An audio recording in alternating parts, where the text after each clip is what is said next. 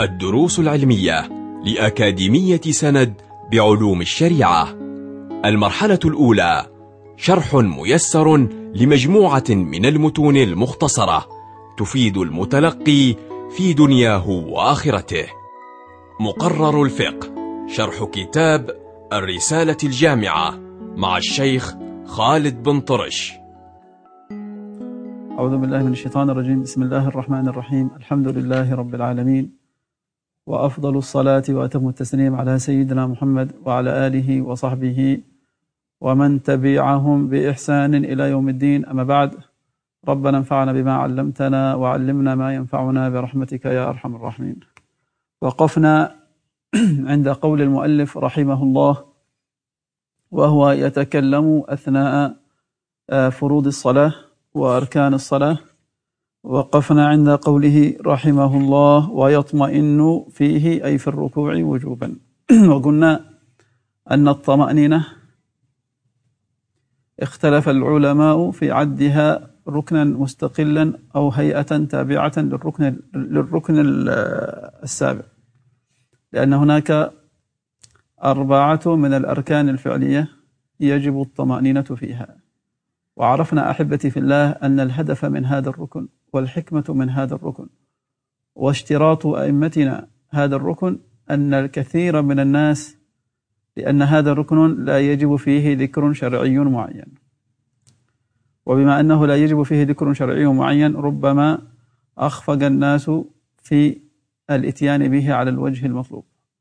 ولذلك شرع صلى الله عليه وسلم شرع صلى الله عليه وسلم وعلم أصحابه أن يطمئنوا في مثل هذه الأركان التي لا يجب فيها شيء من الأذكار أو الأدعية المفروضة أو المشروعة. وهي الركوع والاعتدال والسجود والسجدتين وكذلك الجلوس بين السجدتين. أما القيام فيجب فيه الفاتحة وأما التشهد القعود التشهد يجب فيه قراءة التشهد. والمقصود من ذلك أحبتي في الله هو أن الإنسان يجب أن يكون في هذه الحضرة العظيمة حضرة الصلاة حضرة لقاء الرب سبحانه وتعالى والمثول بين يديه أن يكون على كامل الاطمئنان وأن يؤديها بكامل الطمأنينة والسكينة والوقار. فلا ينقرها كنقر كنقر الغراب ولا ولا يستعجل فيها. وقد تقدم معنا في الدرس الماضي نهيه صلى الله عليه وسلم وتعليمه وإرشاده صلى الله عليه وآله وسلم لذلك الرجل الذي كان يستعجل في صلاته والحبيب الأعظم كان يشاهده ويلحظه. قال ويطمئن فيه وجوبا حتى تسكن أعضاؤه. ولذلك مر سيدنا عمر بن الخطاب رضي الله عنه على رجل وهو يعبث بلحيته في الصلاة. يعبث بلحيته في الصلاة. قال سيدنا عمر لو خشع قلب هذا لسكنت جوارحه. لو خشع قلب هذا لأن الطمأنينة والسكون ينبئ عن استقرار في القلب وعن اطمئنان القلب. فكلما كان القلب مطمئنا والبال فارغا كلما سكنت جوارح الإنسان وخصوصا في مثل هذه الحضرة العظيمة. والظاهر عنوان الباطن. الظاهر عنوان الباطن. هذا غالبا. وكلما صار الإنسان في شغل في شغل بال وكلما كان باله مشغولا وقلبه مشغولا فربما صدرت منه حركات وربما استعجل في صلاته وأتى بها على وجه غير مطلوب. نسأل الله الحفظ والسلامة. قال الشيخ رحمه الله ثم الاعتدال. أي أيوة وبعد الركوع يأتي ينتقل إلى الركن الذي بعده وهو ركن الاعتدال. والاعتدال هو لغة الاستواء والاستقامة واصطلاحا هو عود المصلي إلى ما كان عليه قبل الركوع فإنه كان قبل الركوع قائما فكذلك ينبغي أن يعود إلى قيامه. ولذلك لما يعود إلى قيامه يأتي يسن يأتي بهذا الذكر سمع الله سمع الله لمن حمده. أثناء قيامه أثناء وكان راكعا فلما يعود إلى الاعتدال يأتي بهذا بهذا الذكر أو هذا الدعاء أو سمع الله سمع الله لمن حمده ويمدها حتى حتى حتى يستقيم عمود ظهره. يرفع يديه أثناء الاعتدال لأنه من المواضع التي يسن فيها رفع اليدين عند تكبيرة الإحرام وكذلك عند الهوي إلى الركوع وكذلك عند الرفع من الركوع إلى الاعتدال. فيسن رفع اليدين حال عند يقول سمع الله لمن حمده حتى ينتصب ثم آه، يعيد يديه آه، آه، مسبلتين لا لا مقبوضتين كما هو مقرر عندنا في مذهب الإمام الشافعي رحمه الله تعالى. ويأتي بهذا الدعاء المشهور الدعاء الذي قذفه الحق سبحانه وتعالى وجادت به كريحة أحد الصحابة الكرام بتوفيق من الحق سبحانه وتعالى.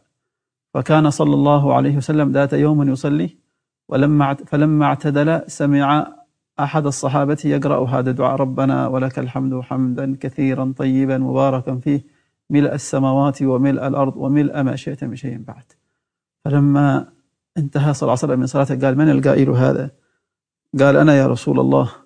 فلم يعنفه صلى الله عليه وسلم مع أن هذه عبادة وهذا ذكر وهذا دعاء وأتى به في عبادة من عبادة الحق سبحانه وتعالى لكن لم يعنفه صلى الله عليه وسلم بل كان موجها للأمة عليه الصلاة والسلام وداعيا لها إلى كل ما يقربها من الحق سبحانه وتعالى لا يكبت صلى الله عليه وسلم وليس عنده مفهوما الانغلاق والتشدد بل كان عليه الصلاة والسلام سمحا يحب كل ما يحب أن يتقرب العبد إلى الحق سبحانه وتعالى بشتى أنواع الطاعات طالما أنها مشروعة ومساجة بسياج الشريعة المطهرة المباركة.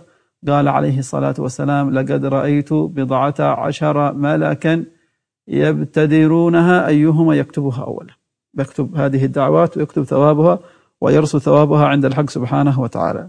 أو كما جاء عنه عليه الصلاة والسلام والحديث صحيح كما في صحيح مسلم وغيره. قال المؤلف رحمه الله ثم الاعتدال ويطمئن فيه وجوبا.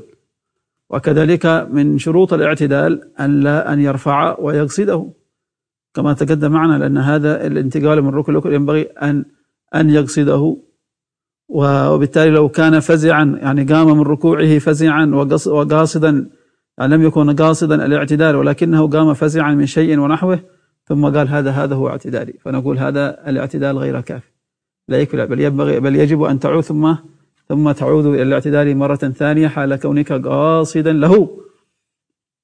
وكذلك نبه الفقهاء رحمهم الله على مسألة التطويل في الاعتدال. قالوا آه، اختلف العلماء رحمهم الله هل آه، يطول الاعتدال أو لا يطول. فمن العلماء من قال لا يطول الاعتدال فإن طوله على قدر يعني قدر آه، الفاتحة أو زيادة على قدر الفاتحة بطلت بطل اعتداله وبالتالي بطلت صلاته. ومن العلماء من أجاز تطويله والخلاصة أن الإنسان ينبغي أن يكون متحرزا حتى يخرج من الخلاف فلا يطيل الإعتداء إطالة يعني بحيث يزيد على مقدار الفاتحة إلا إذا كان ذلك التطويل مشروعا. والتطويل المشروع كما قال العلماء كأن يكون مثلا في آه، الاعتداد الثاني من صلاة الصبح لأن هذا التطويل مشروع لأنه هنا يسن القنوت. وكذلك إذا كان في ركعتي في ركعة الوتر خصوصا في آه، النصف الثاني من شهر رمضان. فالتطويل هنا مشروع. وعلى العموم أما في غيرها من لا ينبغي أن يطول الإنسان الركوع أن يطول الإنسان الاعتدال بل يأتي به يأتي فيه بالذكر المشروع ثم بعد ذلك ينتقل إلى السجود. قال المؤلف رحمه الله ثم السجود مرتين. آه، وبالتالي السجود ولغة السجود لغة هو الخضوع والتذلل. ومعناه في الشرع هو أن يضع المصلي جبهته وجبهته على الأرض. آه، أن يضع جبهته على الأرض. وهو ركن عظيم. وجاء عنه صلى الله عليه وسلم أقرب ما يكون العبد من ربه وهو ساجد. ولذلك جرى الخلاف عند العلماء. أي أي أي أركان الصلاة أفضل؟ فمن العلماء من ذهب إلى أن السجود أفضل. لأنه الركن الذي في الذي يعني فيه قمة الخضوع والتذلل لله سبحانه وتعالى والاستكانة والفرار والتضرع والخضوع للحق سبحانه وتعالى. ومن العلماء من قال القيام أفضل. وعلى العموم فالسجود هو من الأركان العظيمة التي آه، حثنا عليه الصلاة والسلام. وقال لنا عليه الصلاة والسلام فإنه جميل أن يستجاب لكم وحثنا عليه الصلاة والسلام على الركوع. على أو حثنا عليه الصلاة والسلام على السجود وعلى الإكثار منه. وهو ركن طويل فلا بأس بتطويله خصوصا إذا كان الشخص منفردا. ويأتي به بالدعاء سبحان ربي الأعلى وبحمده كما أنه يأتي في الركوع المتقدم سبحان ربي العظيم وبحمده ثلاثا إذا كان إماما وإذا كان منفردا أو مأموما فلا بأس بأن يأتي بالزيادة إلا إذا كان مأموما فعليه متابعة الإمام في ذلك. طيب. قال المؤلف رحمه الله ثم السجود مرتين. وهنا ينتبه من أمور حتى يكون آه، سجوده صحيحا ومطلوبا على الوجه على الوجه الشرعي. ينبغي له أولا أن يسجد على جب أن يكشف أولا يجب عليه أن يكشف جبهته ويضع جزءا منها مكشوفا مكشوفة في الأرض. وكما أنه يجب أن يضع جزءا من من بطن من بطن راحته أو بطون أصابعه. جزءا منها في الأرض كما أنه يجب أن يضع جزءا من ركبتيه كما أنه يجب أن يضع أيضا جزءا من بطون أصابع رجليه. قال عليه الصلاة والسلام أمرت أن أسجد على سبعة أعظم. وفسرها العلماء أو فسرها أو فسرت أو فسرها في الحديث آه، عليه الصلاة والسلام بالجبهة والبطون أصابع اليدين مع أو الراحة وكذلك الركبتان وكذلك آه، بطون أصابع الرجلين. أما الجبهة فيجب كشف شيء منها بحيث تمس تلك الجبهة آه، التي هي يعني أعلى شيء في الإنسان وناصيته وجبهته يضعها متدللا على التراب أو على الأرض. فيجب كشف شيء منها. أما اليدين والركبتين وأما اليدين والرجلين فلا يجب كشف شيء منهما وإنما وإنما يسن كشف شيء منهما حتى فلو لبس قفازين أو خفين في رجليه أو في يديه فصلاته صحيحة. لكن الجبهة يجب أن يكشف جزءا منها بحيث تمس بشرة الجبهة بالأرض. قال ثم السجود مرتين. فيأتي بالسجود الأول ثم يجلس بين السجدتين كما سيأتي معنا ثم بعد ذلك يسجد السجود الثاني. ومن شروط السجود أيضا أن يتحامل يعني أن يتحامل بجبهته قليلا على الأرض. وضابط التحامل كما ذكره الفقهاء بحيث أنه لو كان تحت جبهته بحيث لو قدر أنه لو وضع شيئا تحت جبهته يمكن ضغطه كالإسفنج مثلا كالقطن مثلا ضغط لأنه يتحامى على جبهته. وكذلك أن يرفع عجيزته وهي مؤخر مؤخر ظهره ويخفض رأسه. حتى يأتي به على الوجه على الوجه المطلوب. كما أنه ينبغي أن يفرق بين بين يديه تفريقا وسطا فلا يؤذي المصلين الآخرين. ولكن تفريقا وسطا حتى يكون على هيئة تامة وحسنة ومطلوبة وفق وفق الضوابط الشرعية التي جاءتنا عنه صلى الله عليه وسلم. أسأل الحق سبحانه وتعالى أن يفقهنا في الدين ويعلمنا التأويل. إنه أرحم الراحمين وأكرم الأكرمين. وصلى الله وسلم وبارك على سيدنا محمد النبي الأمي وعلى آله وصحبه وسلم. وآخر دعوانا أن الحمد لله رب العالمين. كنتم مع الدروس العلمية لأكاديمية سند بعلوم الشريعة.